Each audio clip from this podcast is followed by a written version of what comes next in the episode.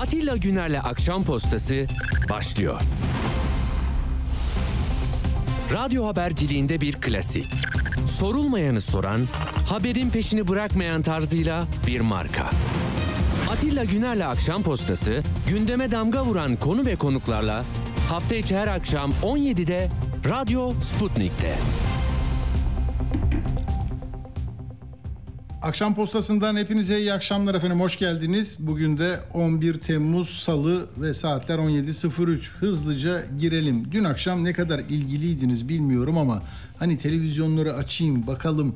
Erdoğan e, havalimanından hareket etmeden önce önce Avrupa Birliği yolumuzu açın biz de İsveç'i açalım. Yoksa zaten NATO üyesi olamazlar demişti.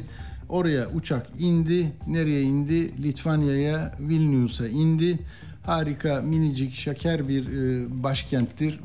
Gitmediyseniz biraz da imkanlarınız olursa bir gün gidin. Çok hoş bir e, şehir.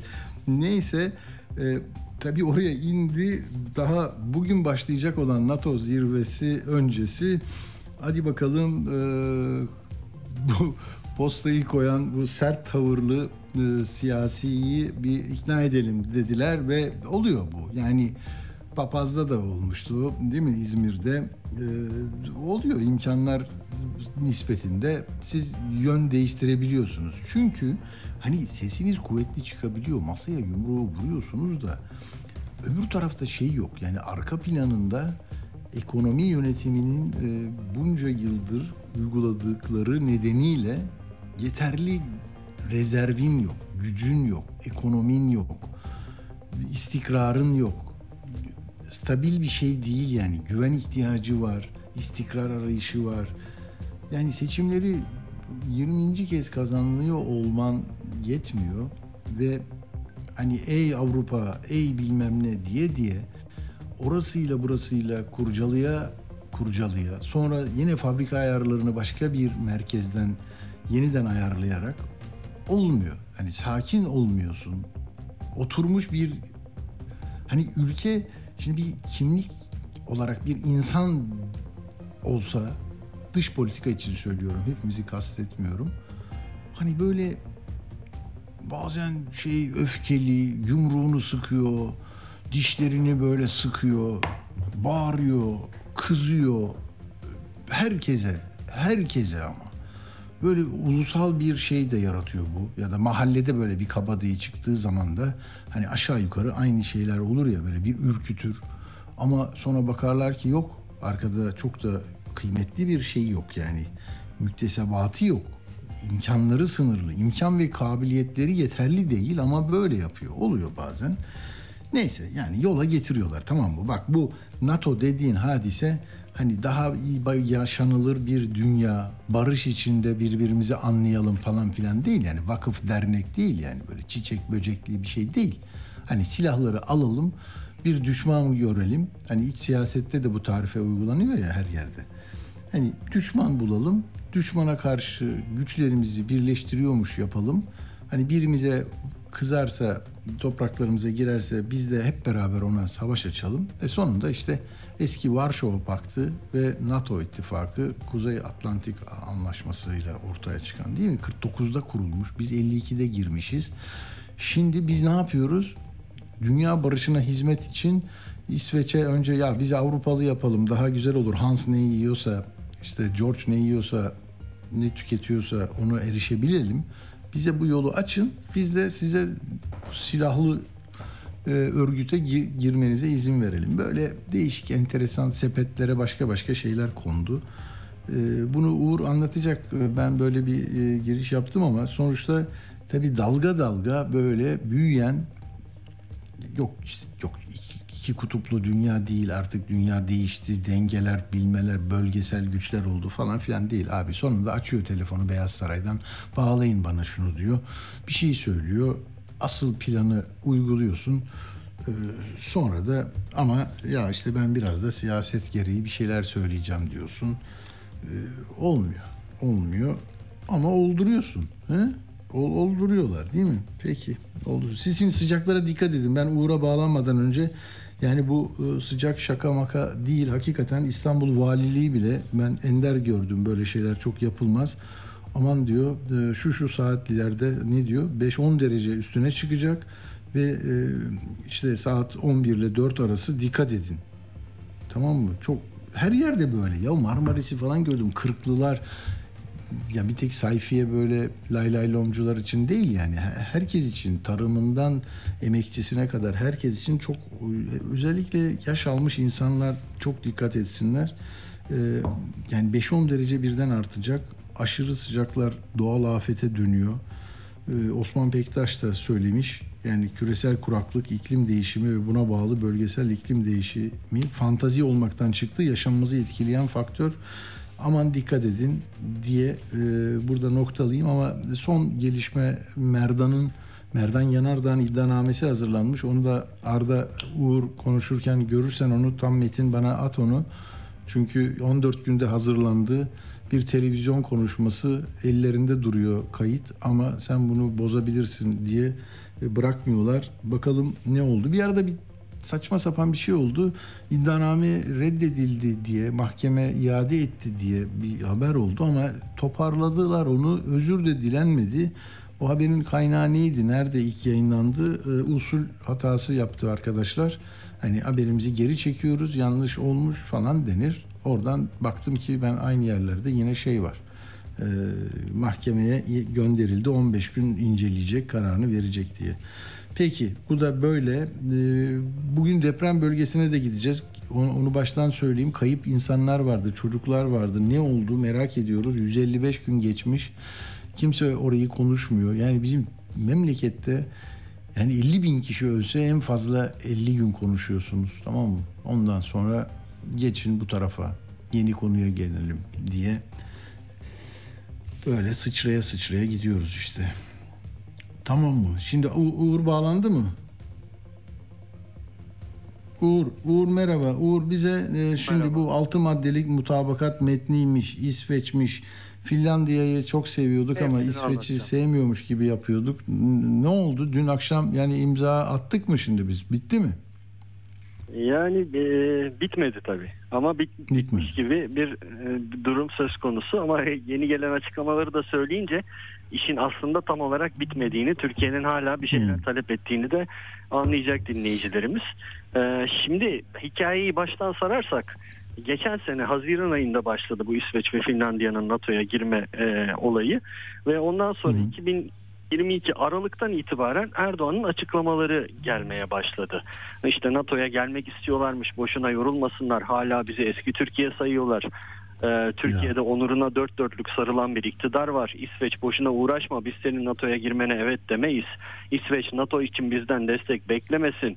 Teröristler İsveç'te cirit atıyor vesaire vesaire. Bunlar hep okuduğum ay ay yapılmış açıklamalar. Hmm. Ocak, Şubat, Haziran.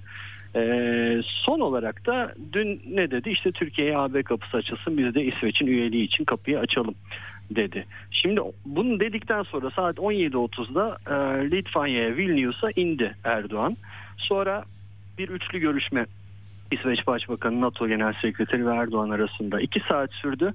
O iki saatin sonunda işte Stoltenberg'le İsveç Başbakanı yeniden bir görüşme yaptılar. Ve 22.30'da NATO Genel Sekreteri çıktı kameraların karşısına artık dedi İsveç'in üyeliği önünde engeller kalkmıştır. Türkiye vetosunu kaldırmıştır dedi. Daha NATO zirvesi resmi olarak başlamadan o 5 saatte iş çözülmüş oldu. Ee, şimdi e, 6 maddelikte bir mutabakat metni var. E, bu metinden anlıyoruz ki e, bu AB meselesi girmiş metne. Türkiye'nin gümrük birliğinin modernizasyonu, vize serbestisi dahil olmak üzere katılım süreci yeniden canlandırılması konusunda İsveç destek olacakmış. Bu işin içinde ekonomi var.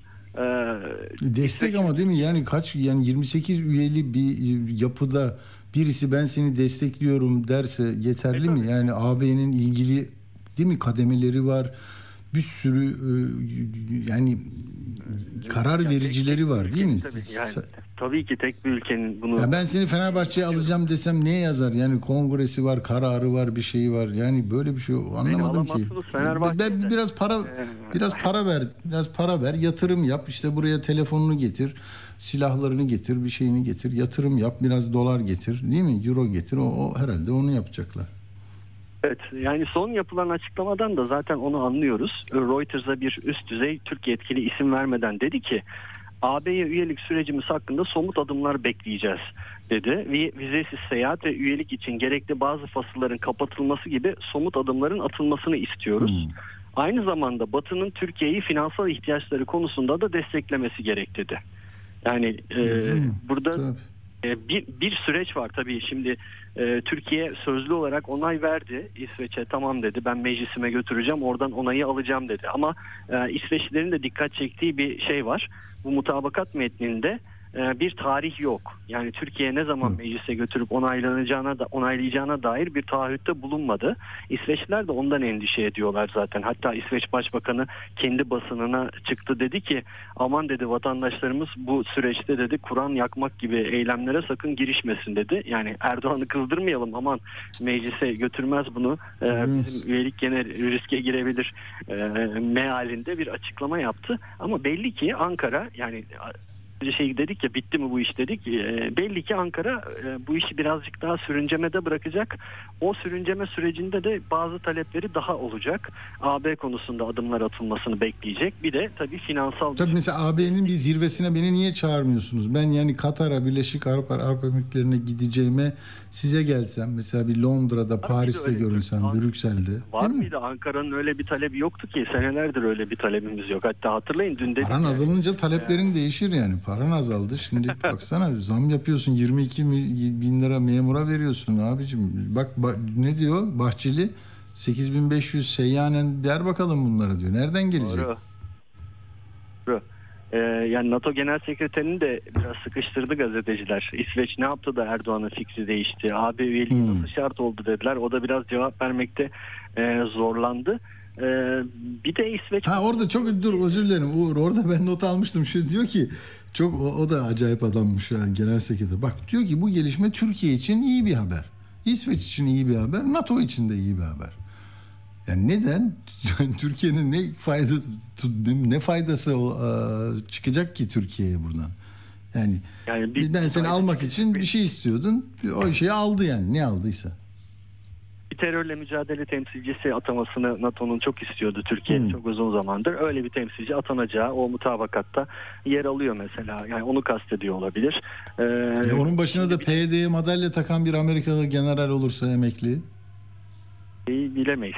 Bilemeyiz. Ee, ama tabii Amerika Hani olmuyor mu öyle 18 şeyler? Hani çuval geçirenlerin bir tanesi gelip de orada bu teröre ben bakacağım der mi yani? Olmaz olur mu zaten? Neyse. Şeyi hatırlayın. Yani 3 Mart tezkere sürecini hatırlayın.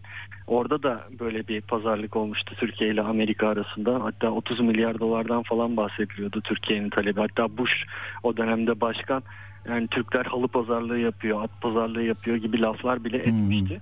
Ondan sonra, ondan sonra da çuval olayı yaşandı tezkere geçmeyince hatırlarsınız. Yani Türkiye hı. e, benzer müzakereleri, e, talepleri e, böyle büyük olaylarda yürütmeyi seven bir ülke. E, nitekim e, yine dünya basınının bir e, kulis bilgisi. Yani bu işin içinde F-16'lar da katılmış. E, ve Biden Hmm. e, tamam İs- İsveç'in üyeliğini Türkiye onaylasın ben bu F-16 işini halledeceğim diye bir taahhütte bulunmuş Hmm. e, Türkiye'ye ki 45 dakika sonra şimdi Erdoğan ve Biden bir araya gelecekler e, NATO zirvesinde. Muhtemelen o konu da e, konuşulacak burada. Yani Türkiye e, bir takım taleplerine karşılık bulmuş gibi gözüküyor bu İsveç'in üyeliğine onay verilmesi e, meselesinde. Macaristan ne yapıyor? Orban ne yapıyor? Ma- Macaristan açıklama yaptı. E, Bizim için sadece teknik bir detaydır bu işin mecliste onaylanması. E, Türkiye ne yaparsa biz onu takip edeceğiz diyor. O da enteresan. ne diyor ya? Yavru vatan mı oldu orası kardeşim? KKTC mi ya?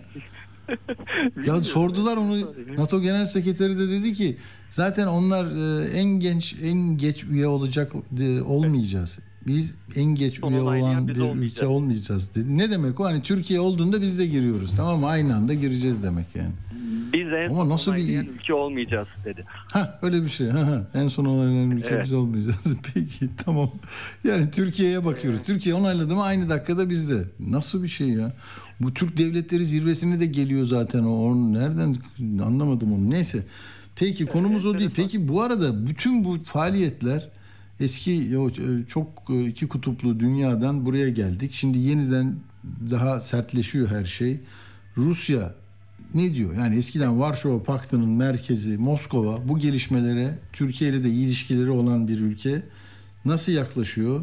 Nasıl yönetilecek bu mesele? Şimdi tabii biliyorsunuz bu Ukrayna e, meselesi, e, Ukrayna-Rusya arasındaki savaş bir NATO krizi e, ne benziyor Hı aslında yani e, genel anlamda. Ve şimdi şimdi Ukrayna ile ilgili ilk açıklamalarında demişti ki 1990'da Almanya birleşirken, birleşmesi tartışılırken e, Amerika Sovyetler Birliği'ne NATO'nun askeri varlığının bir milim bile doğuya doğru genişlemeyeceğine dair söz vermişti. Ve bu sözünü tutmadılar diyor. Onun üzerine dalga üstüne dalga ve bir sürü ülke Ya. NATO'ya üye oldu diyor. Şimdi bugün Peskov'un açıklamasında, Kremlin sözcüsü Peskov'un açıklamasında da benzer bir e, yani e, tırnak içinde sitem var. Hı hı. E, tabii ki İsveç'in NATO üyeliğinin Rusya'nın güvenliği üzerinde olumsuz etkileri olacağını e, söyleyebiliriz diyor Peskov. E, ve e, Finlandiya'nın ardından alınan önlemlere benzer yanıtlar vereceğiz diyor. Lavrov da benzer açıklama yaptı Rusya Dışişleri Bakanı. E, bir de tabii Türkiye'ye mesaj var e, Peskov'dan. O da diyor ki Türkiye pembe gözlüklerini çıkartmalı e, diyor. Türkiye Avrupa'da istenmiyor. Türkiye batıya yönelebilir. Türkiye tarihinde batıya yönelişin yoğun olduğu dönemler olduğunu biliyoruz. Daha az yoğun olduğu dönemler de oldu ama şunu da biliyoruz ki hiçbir Avrupalı Türkiye'yi Avrupa'da görmek istemiyor. Türkiye pembe gözlüklerini çıkarmalı e, diye bir Ya. açıklama yaptı yani. Yani Rusya tabii ki Ankara ile ilişkilerini daha da geliştirmek istiyor dedi. Ama NATO'ya karşı da Türkiye'nin bazı yükümlülükleri olduğunu biliyoruz dedi. Yani Rusya Ankara ile e, ilişkiyi e, yine mevcut noktasında tutmak ve geliştirmek e, Hmm. açısından herhangi bir şey yapmıyor, sorun çıkartmıyor. E, ve bu e, onayı da İsveç'in onayını da e, bir e, sorun olarak görmüyor Türkiye ile ilişkiler açısından. Ama Türkiye'ye de diyor ki ya bu Avrupa sevdasından vazgeçin siz çünkü sizi istemiyorlar e, diye de bir mesaj vermeyi ihmal etmiyor. Yani eski Varşova Paktı üyelerini düşünsene Uğur ya. Çekoslovakya'dan hani Çekya'sından da Slovanya'sına kadar Macaristan, Polonya, Bulgaristan, Estonya, Letonya, Litvanya, e, Romanya, ne niye? Arnavutluk. E, hakikaten e, çok bambaşka bir şey e, hakimiyet var orada. Bir e, kurulan bir hakimiyet var.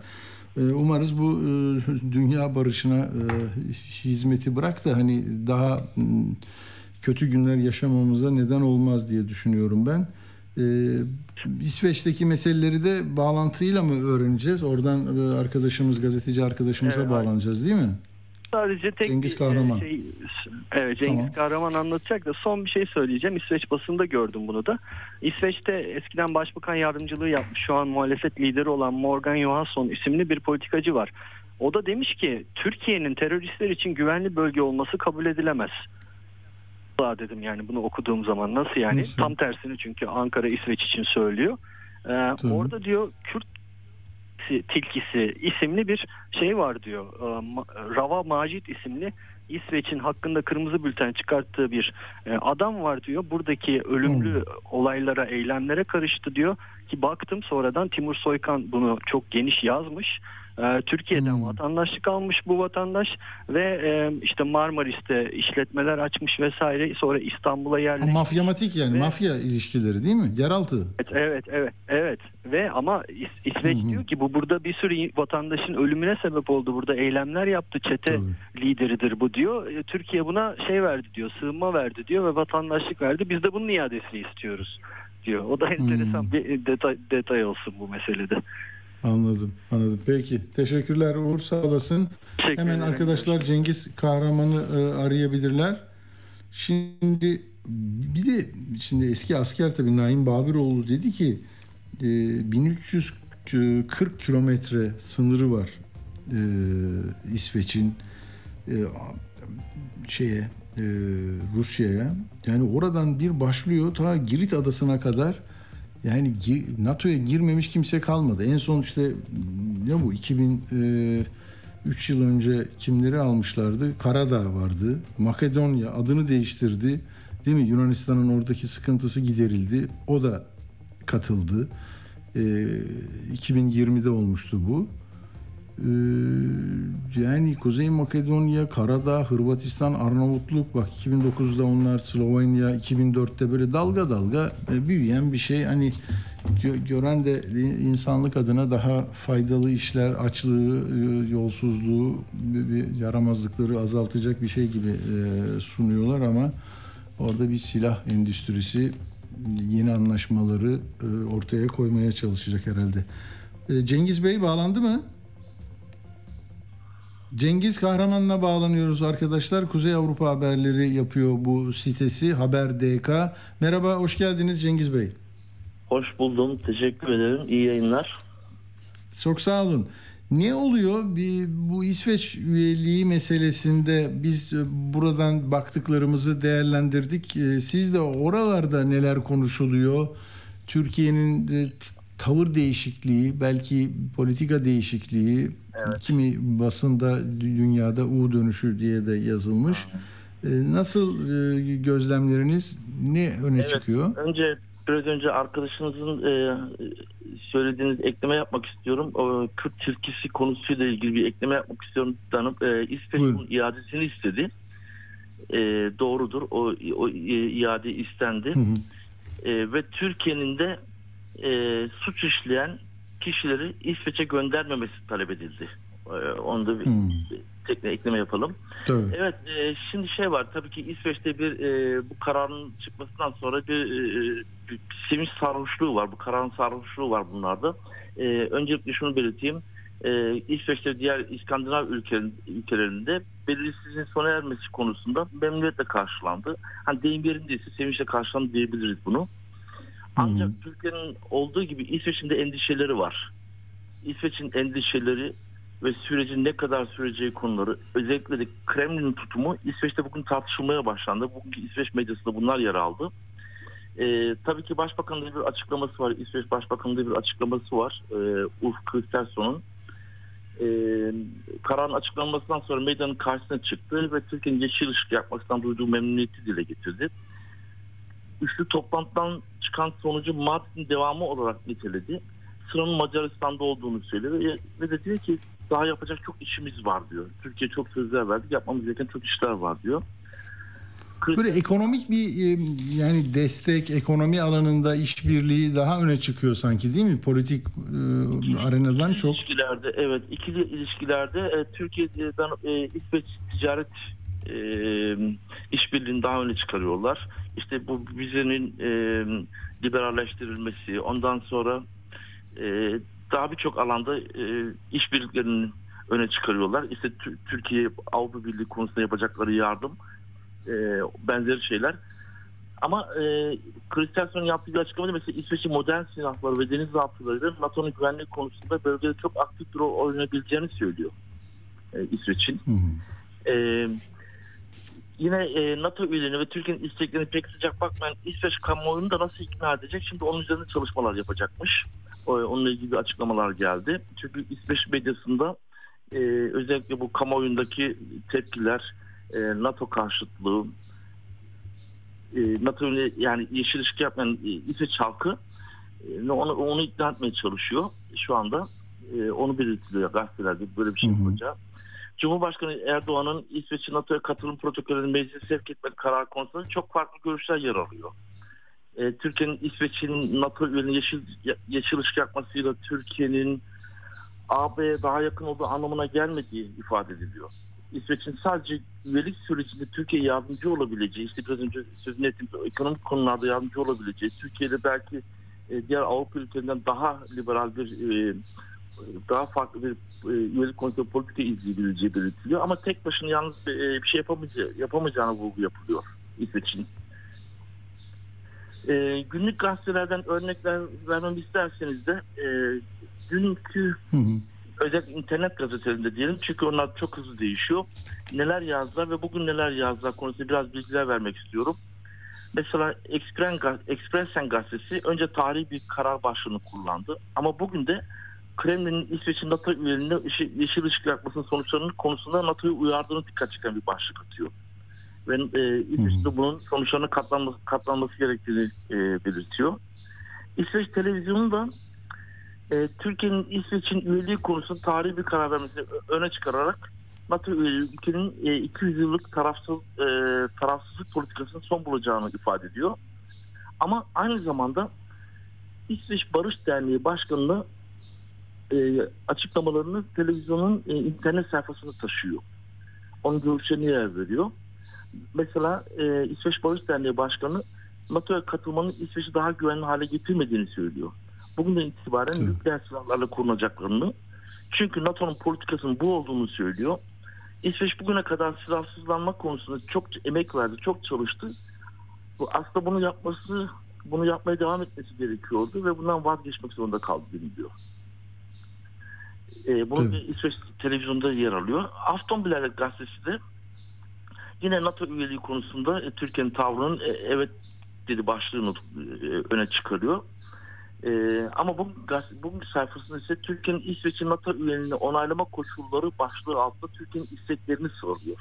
Türkiye bunu onayladı ama Türkiye'nin karşında bu, bu istekleri var diyor. Bilmediğimiz bir şey var mı orada Cengiz Bey? Bilmediğimiz ne var? Nasıl sıralamışlar?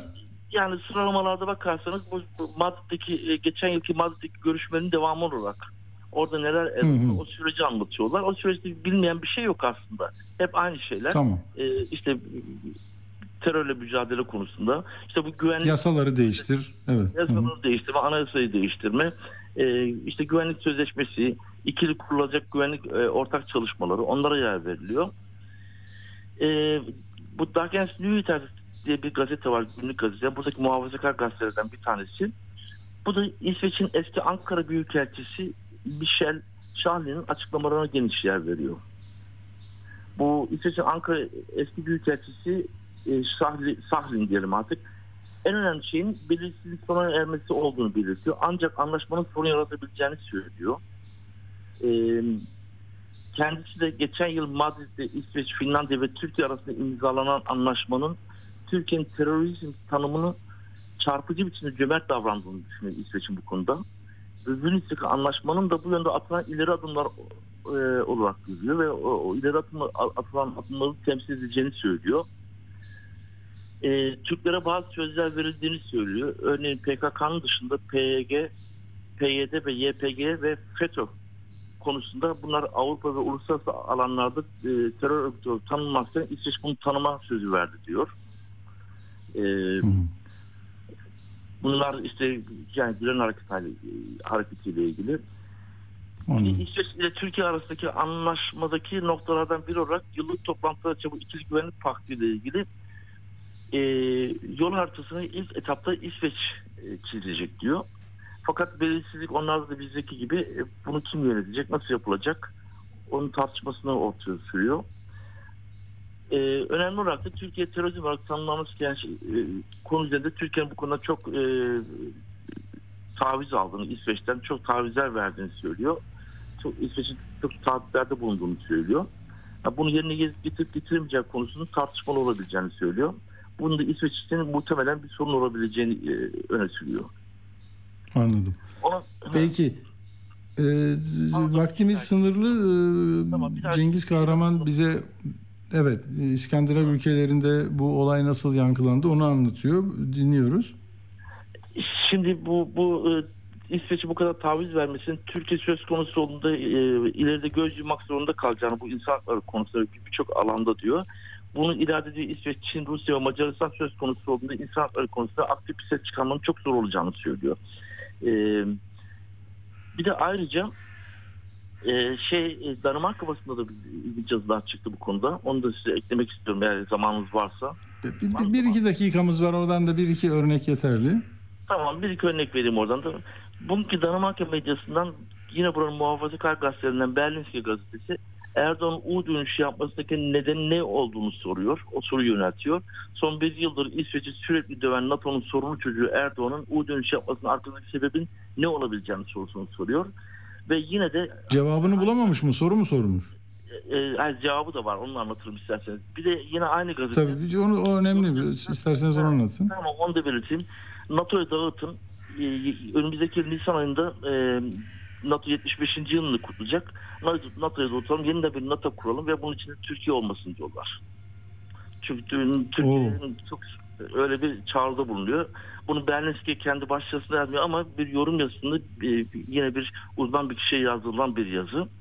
E, yani çok ilginç. Yani Türkiye'siz NATO diye bir enteresan laf. Evet NATO'yu dağıtalım. Yerine Türkiye'si yeni bir NATO kuralım. Bunu da önümüzdeki yıl 4 Nisan'daki NATO'nun 75. yılını kutlama, kutlamasını duyuralım diyorlar. Bu çok ilginç bir Çok açıklama. tabii biraz biraz uçuk uçuk kaçık olmuş ama evet. evet, evet. Ve de tabii ki yani bu, bu e, e, gazeteler İsveç'in NATO üyeliğini bir siyasi deha olarak e, görüyorlar ve özellikle bu Jens Stol- Stoltenberg'in çalışmalarını e, çok emek harcadığını ve onun başarısı olarak kişisel zafer olarak, onun e, kişisel başarısı olarak görüyorlar. Ve Hı hı. çok kısa tutmaya çalıştım. Bilmiyorum. e, Peki. Çok çok şey çok teşekkür ediyorum Cengiz Kahraman. Ee, bize zaman ayırdınız. Ee, Danimarka'da yaşıyor ve Haber DK'nın e, yöneticisi Kuzey Avrupa'da Türkçe haberler yapıyor Cengiz Bey. Çok teşekkür ederiz. Kolay gelsin Ben size. çok teşekkür ederim. Size de kolay gelsin. İyi yayınlar diliyorum. Sağ olun, sağ olun. Evet, tabii Türkiye'de gazeteler, televizyonlar da bu meseleyi izlerken ilginç bir ayrıntıya tanıklık ettik. O da e, yani böyle Külhan Bey'i tavırlarıyla gidiliyor. İşte şart koşuluyor.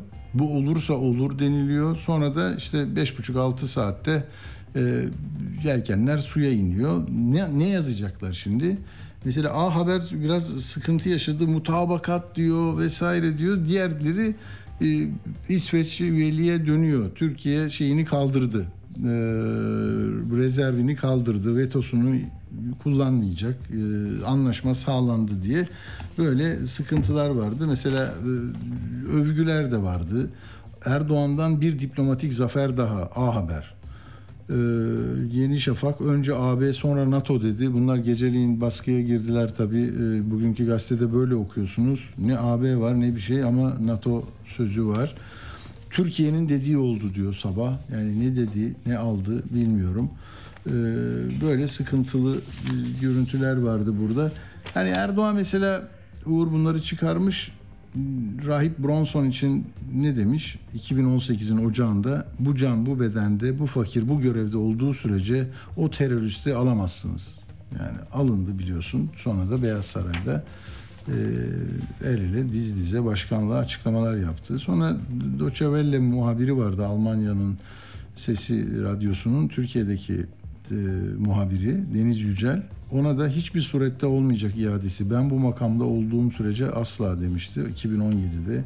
E, Kaşıkçı meselesini de eklemişler. Tabii Kaşıkçı'yı da Suudi Arabistan'ı nasıl suçladık? İstanbul'da işlenen bir cinayetle ilgili veriler elimizde, ses kayıtları elimizde. E, hesabını soracağız diyorduk. E, böyle yani Sisi meselesi, Birleşik Arap Emirlikleri, 15 Temmuz'un mimarı falan diyorduk. Öyle geldi geçti. Yani Bahçeli de bugün şunu söyledi. Dedi ki e, karar Cumhurbaşkanı'ndır ama sadece ABD istedi diye F-16 ile ilgili parmak sallanıyor diye zillete tamam mı diyeceğiz. İsveç PKK'nın Avrupa'daki mağarasıdır diyor. Kandil neyse Stockholm aynıdır. Böyle bir şey çiziyor ama sonuçta diyor Sayın Cumhurbaşkanımız kararı verir diyor. Yani sanki e, böyle bir bizim şeyimiz var, itirazımız var ama kararı veriyor. Arkasında da duracağız. Ondan sonra e, bunları da hallettik. Bahçeli'nin tabii buradan emeklilik meselesini de söyleyelim. Siyasete geçelim. Kılıçdaroğlu'na geçelim. Şimdi e, Bahçeli bir de emekliye 8 bin TL zam çağrısı yaptı. Hani seyyanen almıştı ya memurlar 22 bin TL'yi bulması için seçim öncesi verilen söz nedeniyle. Onu diyor aynısını emekliye de yapalım. Yani 25 olmaz diyor. %17.55'lik zam ve seyyanen 8077 liralık artış geliyor onlara diyor. Ee, yani sayıları 16 milyona ulaşmış emeklilerimize yapılan %25'lik maaş yetmez diyor. 8077 liralık seyyanen artışın kök ücrete ve aynısıyla emekli maaşlarına yansıtması beklentimiz, talebimizdir diyor. Erdoğan'a açık mektup mu yazıyor, seçmenine mi yazıyor? Yani birlikte karar veriyorsunuz zaten sık sık görüşüyorsunuz. Orada da mevzu bahis değil mi bu? Konuşun, halledin demekte başka bir şey demiyorum ben de. Onun dışında evet Kemal Bey de tabii e, işte sen böyle yaptın sonra İsveç'i aldın diye kızıyor, ediyor. Onlara çok girmeyeceğim. Ama e, Avrupa Birliği şartını koştu ya Erdoğan. Biz de buna yakın bir şeyler söylemiştik. Yani Avrupa Birliği ne ki ya? Yani Luna Park'a mı giriyoruz? Panayır mı bu? Festival mi yani? İsteyen başvuruyor, giriyor mu? Nedir? Adam ölçülerini nasıl koymuş? Neden sen o ödevleri çalışıyorsun? Kaç dosya açılmadı? Kaç başlıkta tıkanma var? Demokratikleşme, insan hakları, adil yargılama. Ha çok da aşı, aşık oldukları, sevdikleri için değil ama e, yani istemediklerine böyle gerekçeler sunabilirler yani. Macaristan da işte Avrupa Birliği üyesi. Yani Orban da öyle. Ona kızıyorlar, mızıyorlar, sonra susuyorlar. Lazım bize diye. Neyse Kemal Bey e, bu itirazını sesli olarak aldık. Yani sen demokrasinin neresindesin ki AB'ye alın beni ben de İsveç'e alayım diyorsun diye o sesi dinleyelim. Ee, Bahçeli'yi söyledik zaten. Kılıçdaroğlu'nun o sesini dinleyelim. Çıkışta yine Kılıçdaroğlu ile ilgili bir şeyler anlatacağım. Bizi Avrupa Birliği'ne alacaklarsa Avrupa Birliği'nin demokratik standartları var. Onları yerine getirmezseniz sizi almazlar. Sayın demokrasinin yolu yani Avrupa Birliği'nin yolu Can Atalay, Osman Kavala, Merdan Yanardağ, Mücella Yapıcı, Tayfun Kahraman, Hakan Altınay bunlardan geçiyor. Sen bunları içeri tıktın. Sen bunları serbest bırakacak mısın? Yine Avrupa Birliği'nin yolu Selahattin Demirtaş'tan, Emine Şen Yaşar'dan tweet attı diye gözaltına alınan gencecik çocuklardan geçiyor. Sen bunların gereğini yapacağına bu millete söz verdin mi? Evet yani Kemal Bey'in metinleriyle ilgili bazı eleştiriler daha da arttı ya da görünür oldu ya. Şimdi burada da mesela e, Kavala deniyor. E, Kavala dendiği zaman yani ahim kararı söylenmeden olmaz. Avrupa Konseyi'nde neredeyse konseyden çıkarma kararı var. Bu kadar yani ahim varken ve senin imzan varken ahim bir şey dediğinde ben seni tanımam Türk milli yerli hakimler var burada dediğin zaman giremezsin ama işte ahim lafı geçmiyor orada. Sanki herkesi tutuklayanlar nasıl Avrupa Birliği'ne girecek? O dediği ki mesela Avrupa Birliği'nin Avrupa İnsan Hakları Mahkemesi'nin bağlayıcı bir yanı olduğunu kabul ediyoruz. Türk hukuk sistemi içinde en en ağır kararların en üst mahkemede verilmesinden sonra hak ihlali varsa gidiyorsun ama karar alınıyor, uygulanmıyor Türkiye'de. Onu söylemeden geçmemek lazım. Bir de Erdoğan tabii demişti ya bu enflasyona neden olan hırsızlar var. Kemal Bey ona da işte çevrene bak hırsızları görürsün gibi e, bir cevap vermiş. Bir de bir soykırım lafını tutturdu Kemal Bey. Yani ben de şimdi dozumu arttırmış gibi görmeyin beni. Zaman zaman yaptım bu tür eleştirileri her kim olursa olsun. Yani şimdi diyor ki Şilili bir iktisatçının ortaya attığı bir kavram bu. Yani durduk durduk bu kadar seçim kaybedildi. 14, 20 ve 28 Mayıs kaybedildi. Bula bula yeni olarak soykırım ekonomisi mi bulundu? Soykırım kelimesi zaten sevimsiz, çok kötü şeyler çağrıştırıyor. Bunu hangi danışman buluyor? Niye getiriyor? Efendim böyle diyelim. CHP'ye soykırım, soykırım uygulanıyor dedi ya. Yani inanılır gibi değil. Soykırım lafı değil ki. O zaman ötekileri ne? Ötekileri ne? Evet, olmaz ki ya. Böyle yani şimdi de bak Independent Türkçe'ye demeç vermiş. Diyor ki e, yani Çipras gitti Yunanistan'da siz ne yaptınız niye ne yapıyorsunuz diye diyor ki alınacak bazı kararların hem Türkiye'ye hem de partiye maliyeti ağır olabilir.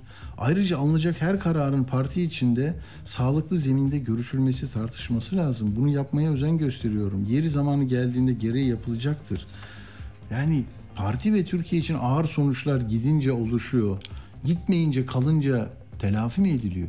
Kızılay Başkanı da istifasını istediğinde, Kemal Bey istifasını istediğinde Kızılay Başkanı aynen bunu söyledi. Dedi ki ben gidersem kaotik bir ortam olur, deprem oldu. Halbuki 3 ay geçmişti. Hayır be- ben organize ediyorum bunları falan. Ben limana taşıyacağım Kızılay'ı. Sonra işte bir hanımefendi geldi. Ne bileyim ya herkesin şeyi artık tansiyonu da yükseldi. Sıcaklardan mı oluyor bilmiyorum. Ee, şeyde bugün Murat Muratoğlu e, yazıyor ya. Ee, kim şimdi Murat Muratoğlu biliyorsunuz değil mi? Şeyin oğlu. e, Rahmi Turan'ın oğlu. Ekonomiyi yönetiyor galiba burada. Yani çok ağır şeyler söylemiş Kemal Bey'e.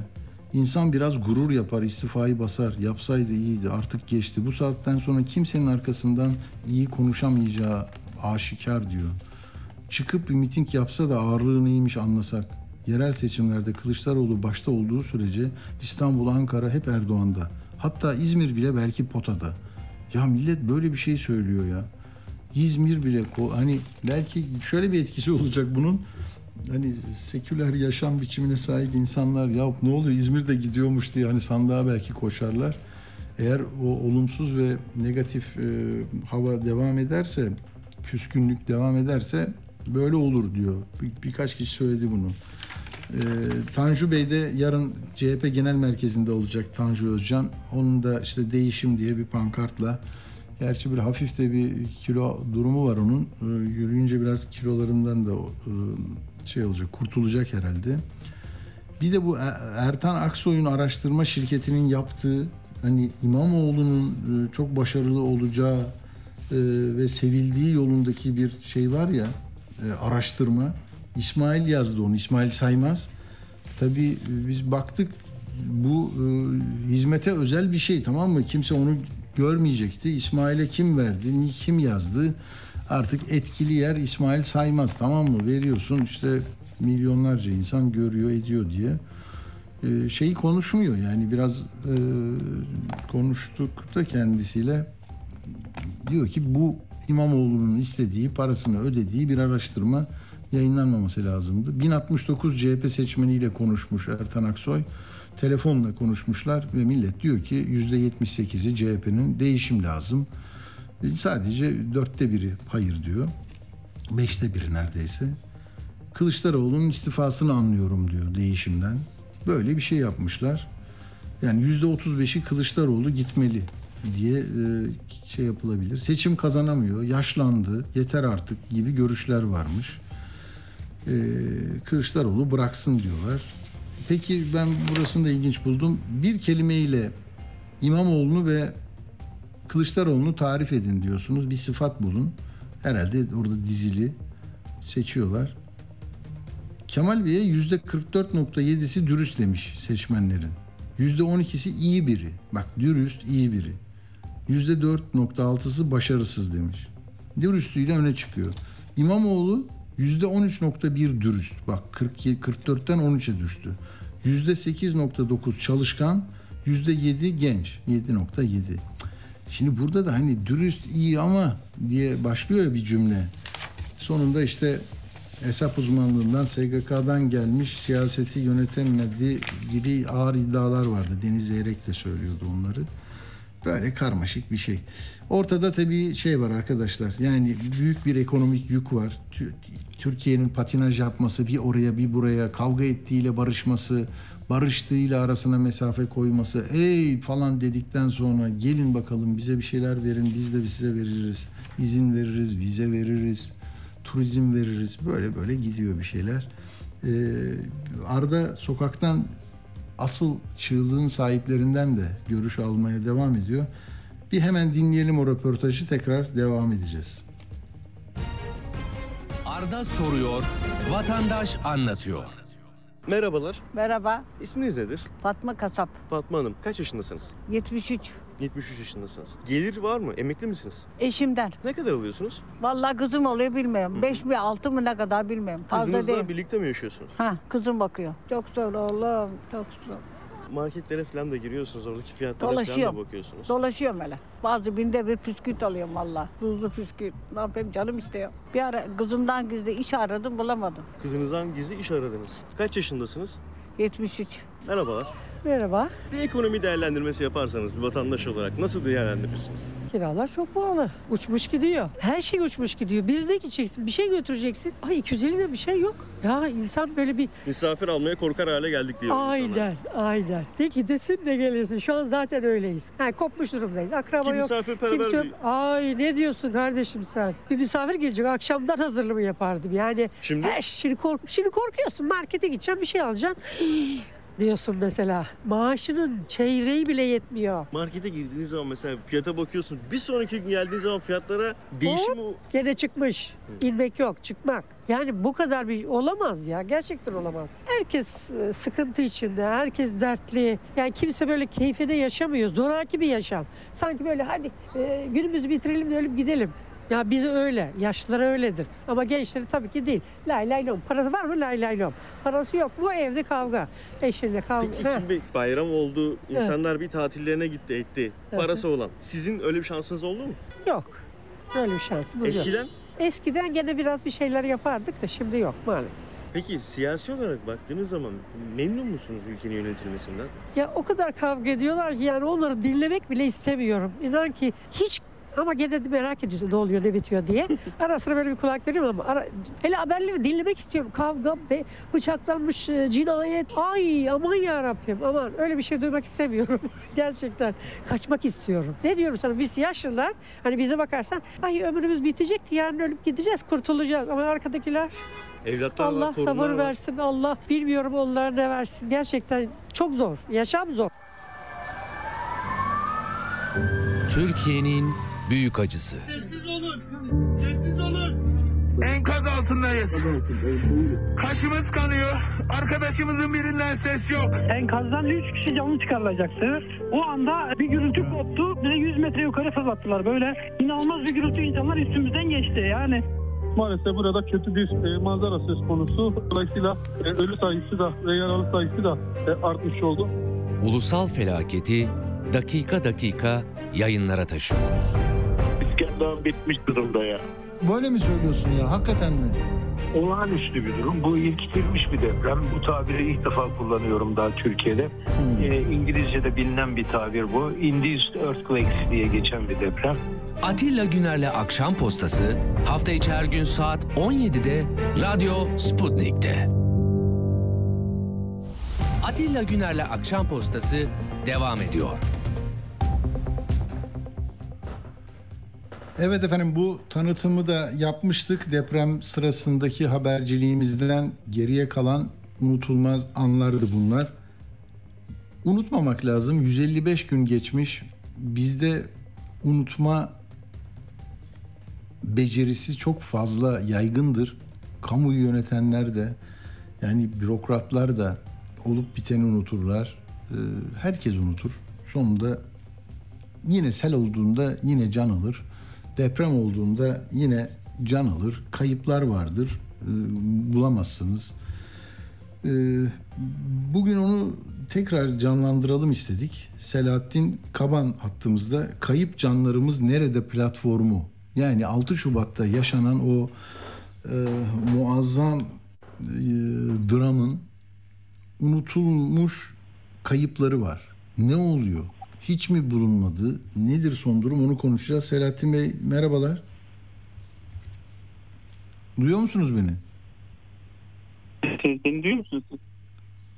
Şu anda duyuyorum. Evet. Siz beni duydunuz mu sorumu? Evet. Bize anlatır mısınız? 10 dakikamız var. Yani şu anda bugün itibariyle ne kadar kayıp var deprem nedeniyle? Çocuklar, büyükler bunlara ulaşmak için ne yapıyorsunuz? Hani 6 Şubat'tan sonra kayıp olup da bulunanlar var mı? Bize araya ben sorular sorarım ama bunu derli toplu öğrenirsek e, faydalı olacak. Tabii ki öncelikle tekrardan iyi akşamlar dilerim. Sportik dinleyicilerine bizi dinledikleri için e, teşekkür ederim. E, 6 Şubat'tan itibaren e, bugüne kadar e, çalışmalar yaptık ve üzücü olaylar oldu. Artı 6 Şubat'ta gerçekleşen deprem felaketinde şehit olan olanlara Allah'tan rahmet yakınlarına başsağlığı dilerim. Ya- Yaralı kurtulan tüm vatandaşlarımıza acil şifalar dilerim. Bizler öncelikle e, gönüllüler olarak çalışmalar yaptık. Enkaz altında, enkaz üstünde e, yardımlar, Ondan sonra kayıp konusuna girdik ve birçok kaybın olacağını e, tahmin edebildik. Ya, bu kayıplardan mesela Rönesans Residence'da 55 kaybımız var. Bunların içinde bebekler de var. Bir dakika. Şimdi bugün itibariyle hala bulunamamış kayıp sayısı nedir? Yani bize ulaşan yüzü geçmiş Hatay geneli, e, Hatay geneli ve e, Adıyaman Maraş'ta var ama Hatay geneli yüzü geçmiş. Bizle birlikte hareket eden. E, Maraş'tan birkaç kişi var bize ulaşan. E, Adıyaman'dan ve e, Malatya'dan birkaç. Yani anlayacağınız e, bir 500-600 kaybımız var. Benim tahmin edebildiğim. E, Bizim Bunları nasıl tasnif ediyorsunuz? Mesela çocuklar mı hani öldüğü halde yani çünkü çocuklar kaçırıldı dendi, başka yere bırakıldı dendi. Sonra devlet dedi ki kamu dedi ki ya bizim bu bin, e, 1500 çocuk var. Bunları biz bulduk, buraya koyduk. 1914 çocuk. Değil mi? E, kayıt altına alındı. 1841 çocuk teslim edildi dediler. Peki sizdeki tablo neyi gösteriyor? Yani bunlar çocuk mu, büyükler mi? Biraz o taraftan. Hı hı. Tabii ki şöyle bir şey söyleyeyim. Mesela Adıyaman'dan e, Furkan Alp e, küçük bebeğimiz. Ben bebek diyorum çünkü 3,5 yaşında hala bebek. E, Furkan Alp bebeğimiz Adıyaman'da hastaneye götürüp tedavisi yapıldıktan sonra hastane bahçesinden kayboluyor. Ama e, nasıl kaybolduğunu kimse bulamıyor. Hani bilinemiyor. Ya biz tahminler yürütebiliyoruz. Hani şu aldı bu aldı diye tahminler yürütebiliyoruz. Ama e, işte ifadeler verildi e, bize gelen bilgilerde sadece araştırıldığı diye duyum aldık. Bir yetkimiz olmadığından dolayı, hani bir kamu görevlisi olmadığımızdan dolayı. E, ondan sonra e, Rönesans Residence'da yani e, Hatay Rönesans Residence. Evet. Orada da e, Esila bebek var. Es, Esila bebek de şu an kayıp. Annesi de kayıp. Bulunamıyor. E, böyle birçok kişi kayıp. Yaşlısı olsun. Peki bulmak için mesela DNA testi yapıyorlar, mezarları yeniden kazıyorlar değil mi? Bir yöntem o. Bir de başka nasıl e, ulaşılabilir? Şöyle bir şey, e, biz geçen valilikte yetkililerle görüştük. E, Rönesans Residence'ın e, molozları, molozlarının tekrardan aranması, bilirkişiler Hmm. tarafından kemik taraması yapması talebinde bulunduk. İmza kampanyaları başlattık. Zaten daha önce Ne diyorlar buna? Yani bu talebi makul karşılıyorlar mı? Sadece vali bizden görüşmedi. E, oradaki yetkililer bizden görüştü. Biz yetkililere e, ailelerle birlikte talebimizi ilettik. Talebimizi aldı bize dönüş sağlayacaklarını söylediler. E, daha hiçbir bir dönüş yapmadılar ailelere. Ama biz imza kampanyası başlattığımızda e, birçok yetkililer tekrardan aramaya başladı. Yani medya ondan sonra diğer kuruluşlar aramaya başladı. Ama bizim amacımız e, biz kendilere ulaşmadan bu şeylerin yapılmasını, o çocukların bulunmasını. Rönesans Residence'da veya diğer sitelerde e, molozlarla birlikte giden e, cesetler olabilir. E, Bir dakika burada ama çok önemli bir şey söylüyorsunuz. Molosların kaldırılma kararını kim verdi? Enine boyuna orada bir araştırma ne bileyim cihaz getirilir var mı yok mu? Ee, yani bir naaş varsa o naaşını almak için insanların o yapılmamış. Eğer içindeyse de görmeden böyle kepçelerle alıp götürmüşler mi? Ha şu, şu bilgiyi de vereyim. Rönesans'ta yangın çıktığı için özür diliyorum. Hani Rönesans'taki aileler beni yanlış anlamasın. Ha, bu ihtimal de var. Oradaki insanlar yanmış da olabilir. Yanmamış da olabilir. Hani Tamam. hala kemiklerin orada e, var olduğunu sayalım. Molozlarla birlikte gitmiş olabilir. Bunu da e, molozların kaldırılmasında ailelerinden gelen bana bilgi. E, yetkililer söylemiş. Molozları kaldırmışlar. Bir yere bırakmışlar. E, Ailelerle birlikte biz valiliğe gittik. Görüştük. Valiliğe de taleplerimizi ilettik. E, dün de e, bir bakanlığa gitti aileler. Bana söylemedi hangi bakanlığa gittiğini. Ben Hatay dışındaydım. Daha yeni Hatay'a geldim. Şu an Hatay'dayım. E, görüşmelerimiz devam ediyor. Bakanlıklarda. Taleplerde bulunuyoruz. İnşallah bu konular hakkında e, bizi dinliyorlar yetkililerimiz. E, taleplerinizi yerine getirmelerini istiyoruz. Aileler çünkü çok kötü. Mesela bir Batuhan Güleç diye kardeşimiz var. Adana'dan ihbar geliyor. Annesi ihbar her ihbar geldiğinde e, yüreği pırpır ediyor ve koşuyor oğlunu arayabilmek için. Muhsin Sedat Kaya İskenderun'dan ihbar geliyor.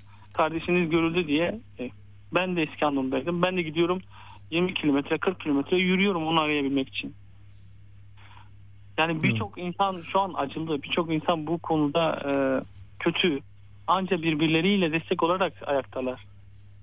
Doğru. Peki ne istiyorsunuz? Sivil toplum kuruluşlarından, ne bileyim barosundan, başka birliklerden, derneklerden bir talebiniz var mı? Şöyle bir şey, biz DEMAK'ız. E, dernek, kendimiz dernek oluşuyoruz. Deprem mağdurları ve kayıp yakınlarıyla dayanışma derneği açılımımız. Biz Hmm. e, bize birçok dernek destek veriyor bu konuda. E, resmileştikten sonra biz de birlikte ya- yan yana yürümek istiyorlar. Yan yana yürüdüklerinde bize destek vereceklerini söylüyorlar. E, ileriki süreçte kayıplar konusunda e, ciddi bir çalışmalar olacak, görüşmeler olacak ve 15 bin Hmm. imzalık bir kampanyamız var. 15 bin insan bu kampanyaya destek verdi kayıplar için. İleriki süreçte şöyle e, derneğimizin daha da bir büyümesi için, daha da bir Türkiye çapında olabil- oluşabilmesi için girişimlerde bulunacağız. Çünkü biz 81 il olarak depremden etkileniyoruz.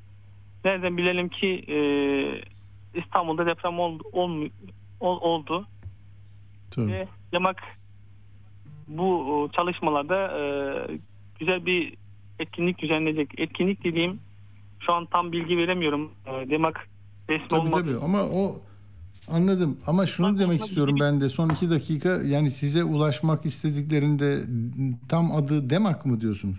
Evet. Sosyal medya hesaplarından Demak ve e, kendi e, özel hesaplarımdan da bana ulaşa- ulaşabilirler. Zaten birçok kişi bana ulaşabiliyor. E, 7-24 saat Tamam telefonum Selahattin Kaban değil mi? Selahattin Kaban Bey'e ulaşabilirsiniz. Belki bir esrarengiz bir şey böyle karışık bir durumla karşılaşırsınız. Nereden geldi bu çocuk yoktu. Belki bir depremzedenin bir aradığı e, evlat olabilir o. Yaşlı bir insan olabilir, hasta olabilir. Tedavisinde söyleyemez ismini değil mi? Bu konularda bence katkı sağlar e, sizlere. E, Deprem tabii e, çok büyük e, travmaya yol açtı. Hepimize acı veriyor. İşte ise bir teselli olur bu insanlara ulaşılabilse. Eğer hayattalarsa çok iyi, yoklarsa bir kabristanda yerlerinin olmasını ister bizim e, insanlarımız. Umarım buna katkı sunmuş oluruz. Selahattin Bey çok teşekkür ediyorum. Çalışmalarınızda da daha e, sonuç alacak e, günler yaşamanızı temenni ediyorum. Sağ olun. Ben de sizlere teşekkür ediyorum. E, Demak adına ve kayıp canlarımız adına. İnşallah bu kayıplarımız bulunana kadar çalışmalara devam edeceğiz. Taleplerimizi ilettik. Güzel. Tüm molozların tekrardan aranması talebinde bulunuyoruz. Ve kayıp canlarımız için girişimlerde bulunmalarını istiyoruz. Demak ileriki süreçlerde güzel girişimler yapacak. Bu mağduriyetleri giderebilmek için e, sizlere teşekkür ediyorum bizleri ağırladığınız için, Sağ dinlediğiniz için. Sağ Eğer olun, bir sağ hatam ve e, bir sorun sorun yaşatırsam size tekrardan özür dilerim. Yok yok çok sağ olun. Ee, biz anladık. Ee, Faydalı da oldu. İyi akşamlar diliyorum size. Sağ olun. Selahattin Bey sağ olun. Evet şimdi yayınımıza devam ediyoruz. Burada nereye gidiyoruz? Ee, Türkiye'de bu arkeolojik kazılar gerçekten dünya çapında da haber oluyor. Göbekli Tepe'den sonra Karahan Tepe meselesi var. Onu o hocamızdan dinleyeceğiz. Profesör Necmi Karul'dan kısa bir aradan sonra.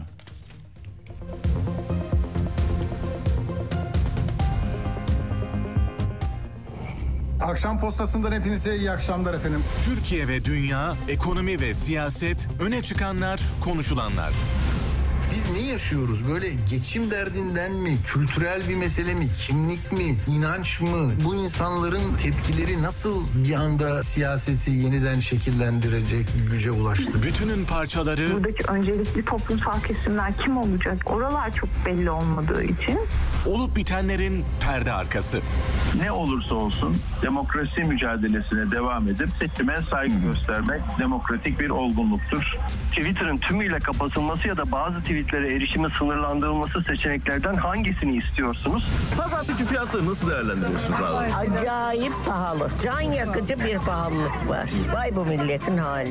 Radyo haberciliğinin dört ödüllü programı. Radyo Sputnik'te Atilla Güner'le Akşam Postası programında söylenen sözler. Radyo yayıncılığı ödülü kazananı Atilla Güner. Atilla Güner'le Akşam Postası hafta içi her gün saat 17'de tekrarıyla 21.30'da Radyo Sputnik'te. Atilla Güner'le Akşam Postası devam ediyor. Evet efendim. şimdi bazen derimiz ya gündelik belki küçücük bir meseleyi çok konuşuyoruz. İsraf yani konuşma israf olarak nitelenebilir o manada. Yapmamız gereken öğreneceklerimizin e, en kıymetlisi olan şeylere de daha az zaman ayırıyoruz. E, öyle bir konu e, Göbekli Tepe deyince artık bunu dünya biliyor, biz de biliyoruz.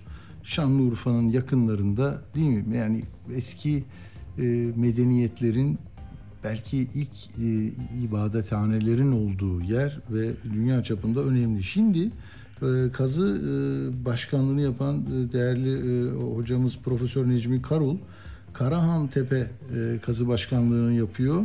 E, yeni bir daha daha da belki ses getirecek e, çalışma olduğunu söylüyor.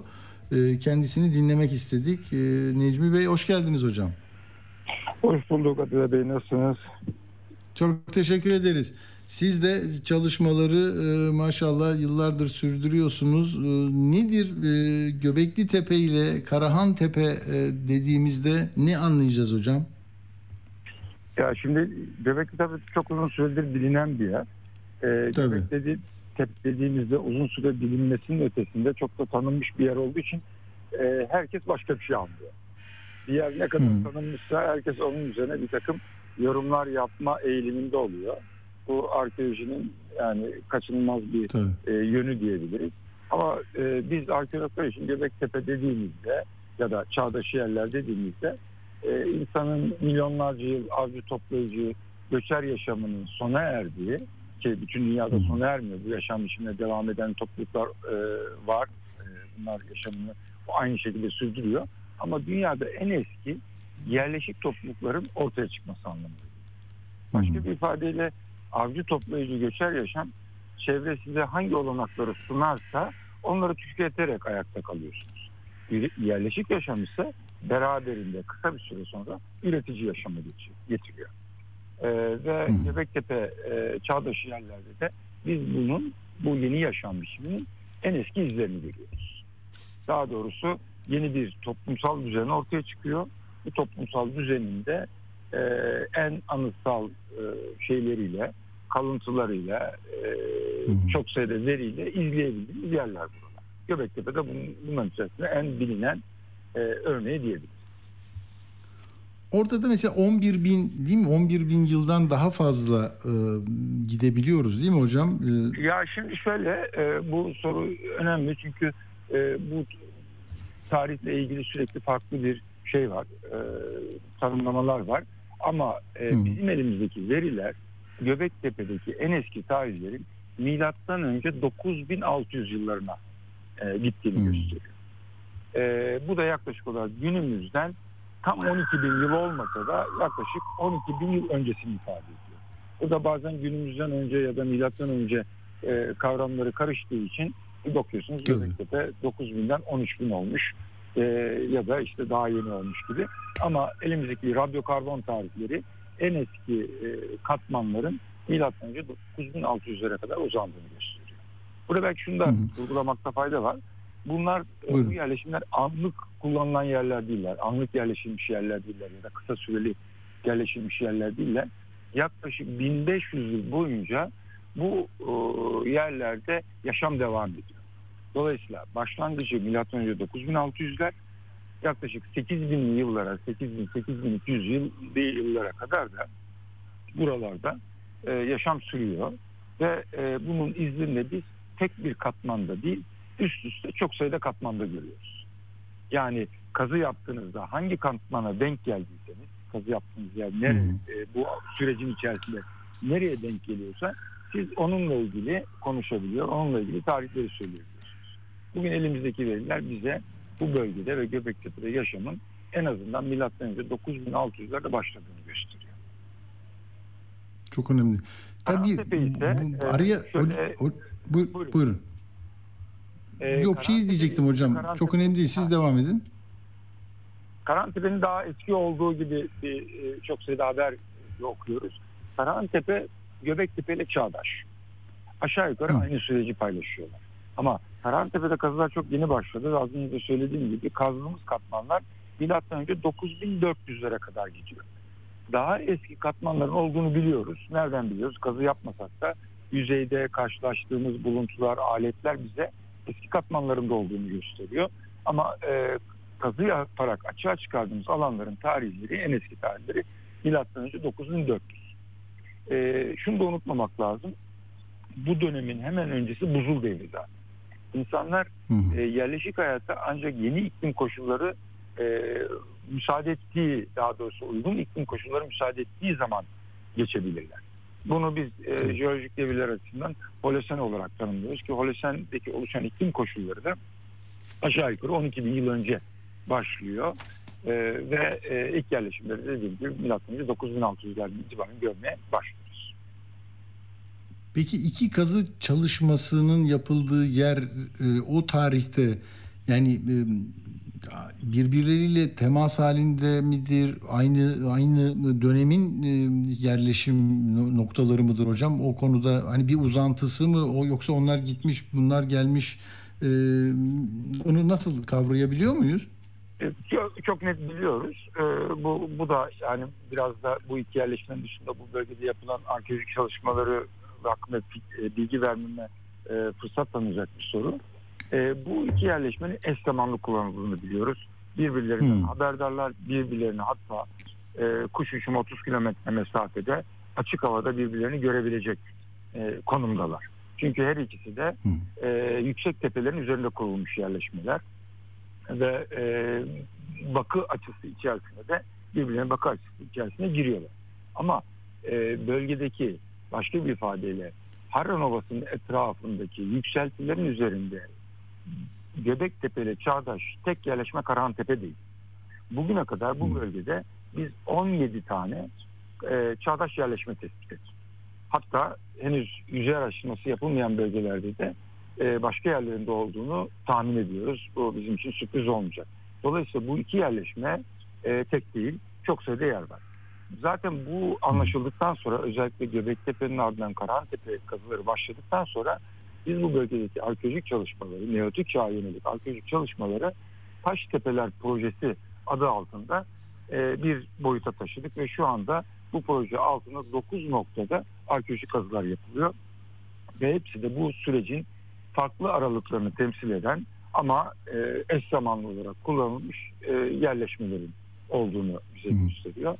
Ve dolayısıyla bu, bu insanlar orada yoğun bir şekilde yaşamışlar. Çok sayıda birbirine yakın mesafelerde yerleşim yerleri kurmuşlar e, ve birbirlerinden ha, e, haberdar olarak yaşamaya devam ediyorlar. Bu o bölgenin içerisindeki bir network. Aynı zamanda bu bölgede o dönemde yaşayan insanlar daha uzak coğrafyalarla da iletişim içindeler. Bu iletişimin biz izlerini bir taraftan Ürdün'e kadar bir taraftan Orta Anadolu'ya kadar takip edebiliyoruz. Yani insanlar e, dünyadan e, bağımsız, kopuk, izole bir vaziyette yaşamıyorlar. E, birbirleriyle haberdar ve ilişki içerisinde, iletişim ve alışveriş içerisinde topluluklardan söz ediyoruz.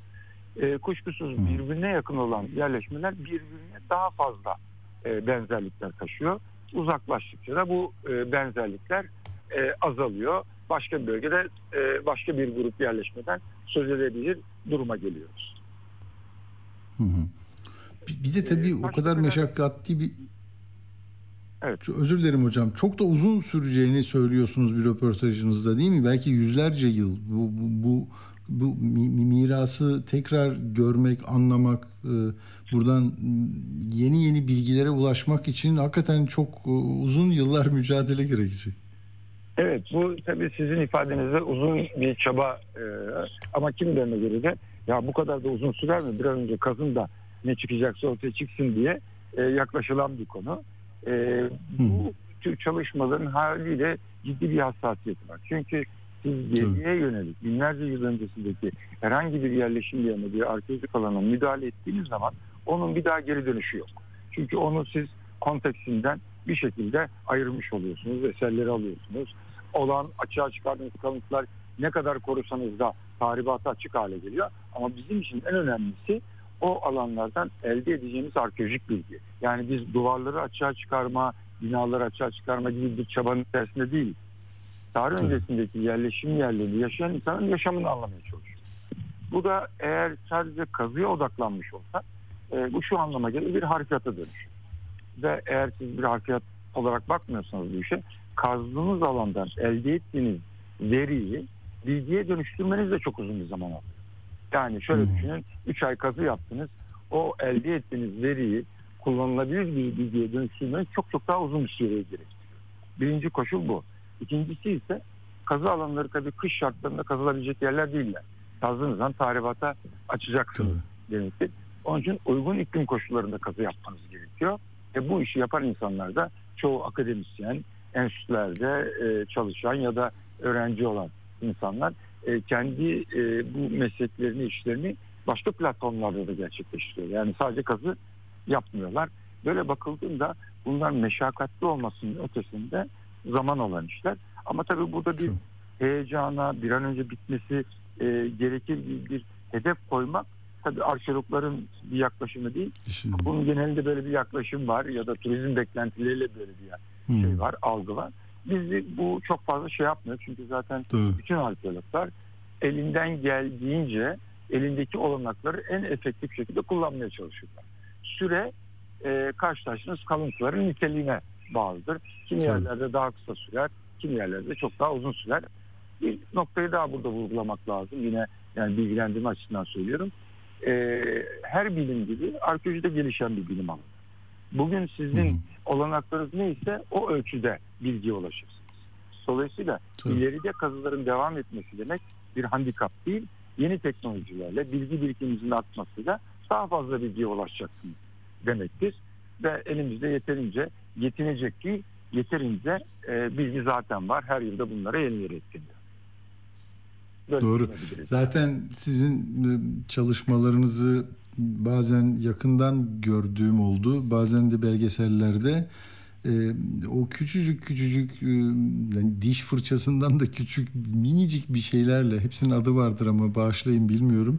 E, yani sanki bir böbeğini e, böyle yeni doğmuş böbeğini e, şefkatle e, seven o bir, bir, bir şey e, bir, bir anne eli gibi gelir bana değil mi? Öyle çalışmalarınız öyle olunca tabii ki uzun sürecek.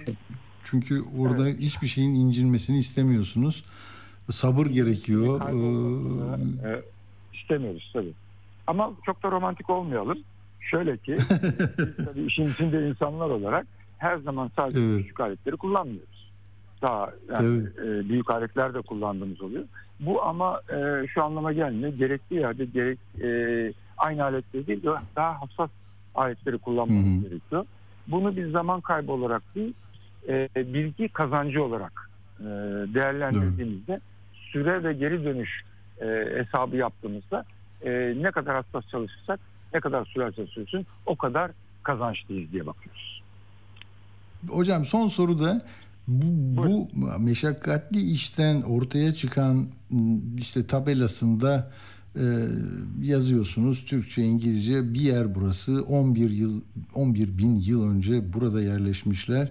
İnsanlığın kazancı ne oluyor? Burada belki sizin disiplininizde böyle bir tartışma da vardır ya da başka antropologlar için, başka sosyologlar için bilmiyorum. Yani insanlık buradan yeni bilgilerle donatılıyor ve onların onlara fayda sağlıyor diyebiliyoruz değil mi? E, kuşkusuz şöyle özetleyebilirim bunu. Yani bilgi insanı e, yemek yemek gibi, temiz hava gibi, temiz su gibi mutlu eden bir şey.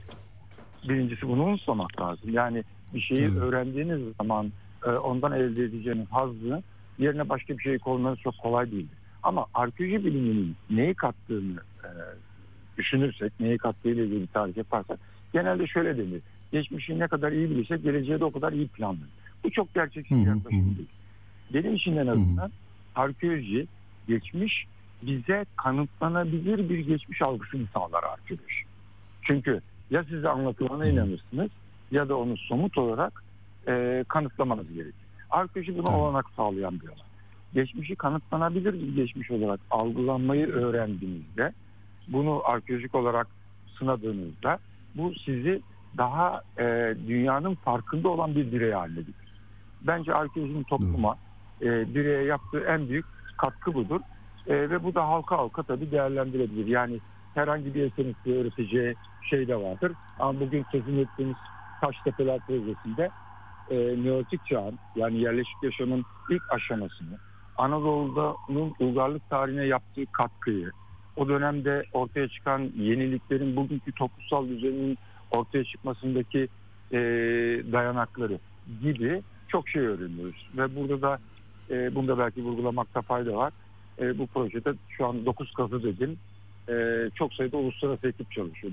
Dünyanın farklı ülkelerinden, Evet. 7 ülkeden e, ortaklaşa yürütülen bir çalışma ve yüzlerce bilim insanı çalışıyor. Bu buradan elde edilecek bilgi herkesi e, hem mutlu edecek hem de e, geçmişe daha somut e, kanıtlarla bakma fırsatı verecek. Arkeolojiyi de böyle tarif etmek daha doğrusu.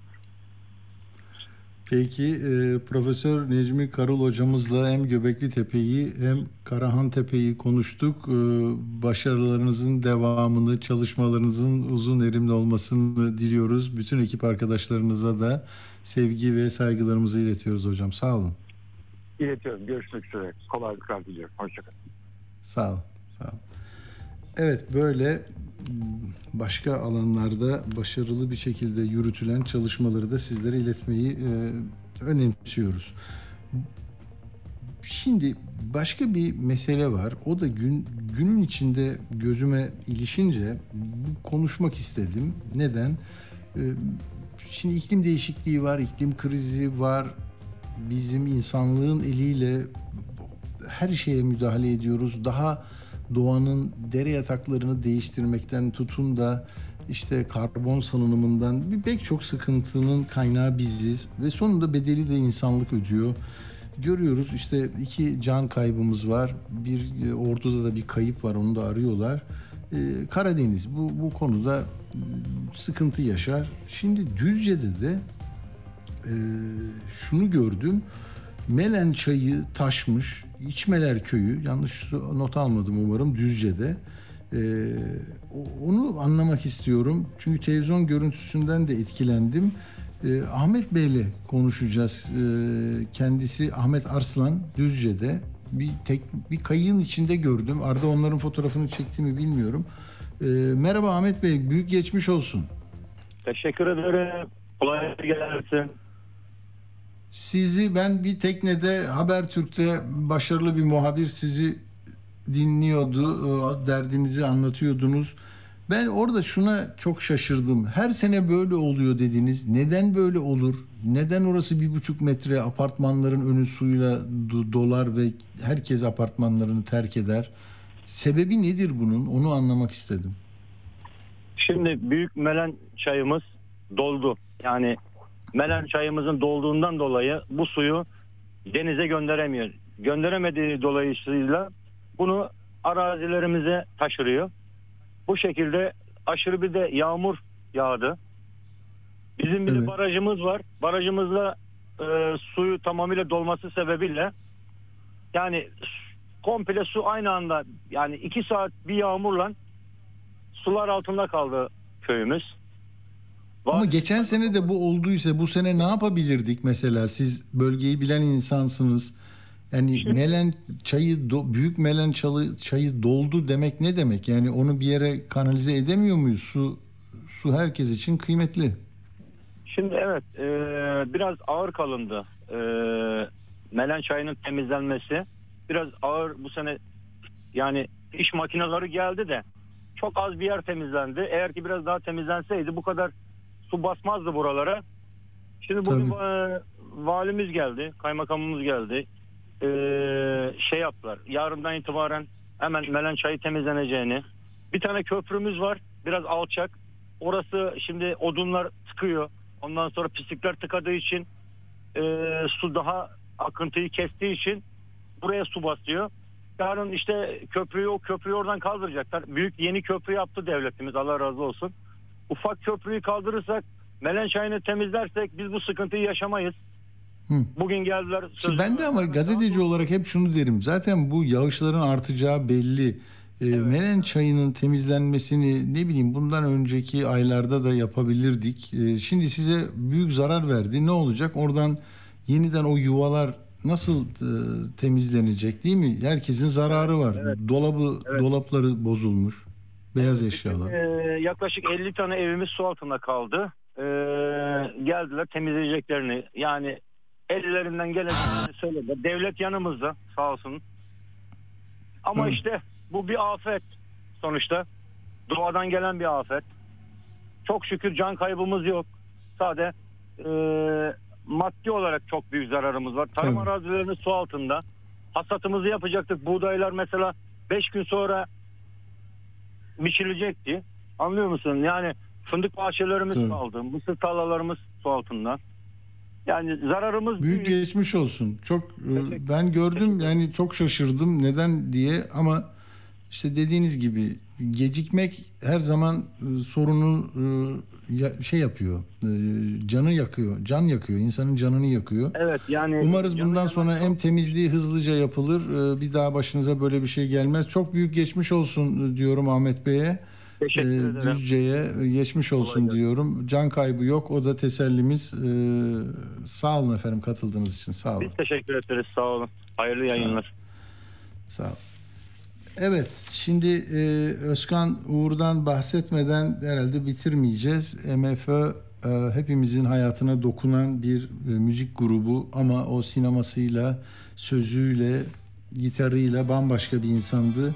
E, onu uğurlarken Mazhar Fuat ne dedi? Oğlu Alişan nasıl bir metin hazırlamış onu dinleyeceğiz. Ondan sonra e, bir de onların daha önceki konuşmalarını size vereceğim ve çıkışta da duygulandırdı bizi çok. Ele güne karşı yapayalnızla çıkacağız. Size iyi akşamlar diliyorum ve o güzel insanla bizi güldüren, esprili, 69 yaşında hastalık nedeniyle hayatını kaybeden Özkan Uğur'a Allah rahmet eylesin diliyorum ve onunla bırakıyorum. Onunla, onu anarak bitiriyorum programı. Hoşçakalın. Bizim için, benim için Özkan 52 yıllık, tam 52 yıllık dostum, iş ortağım, iş ortağımız. Manevi kardeşimiz.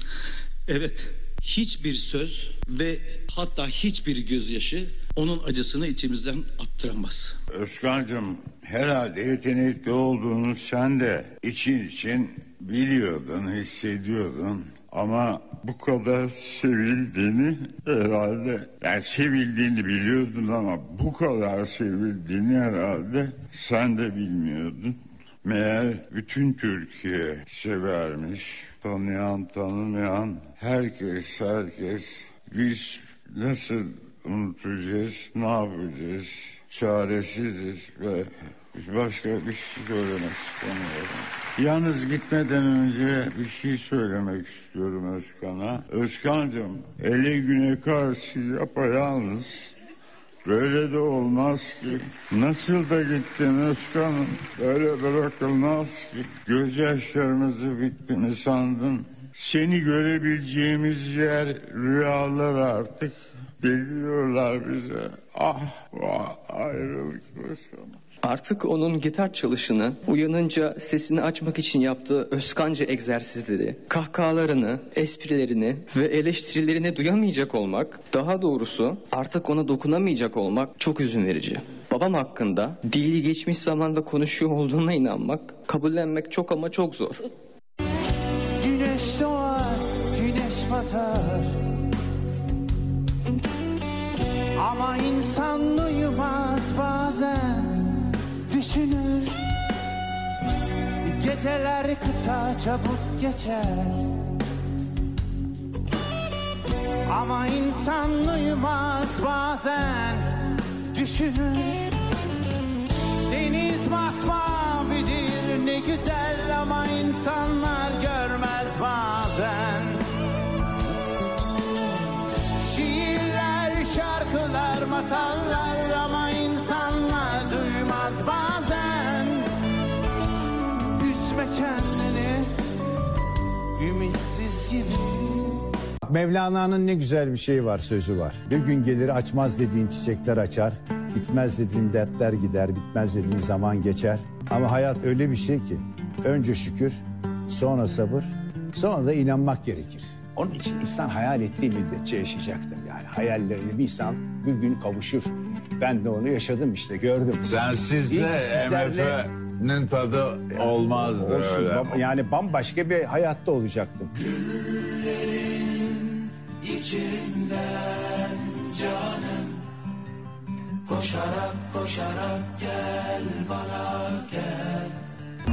Time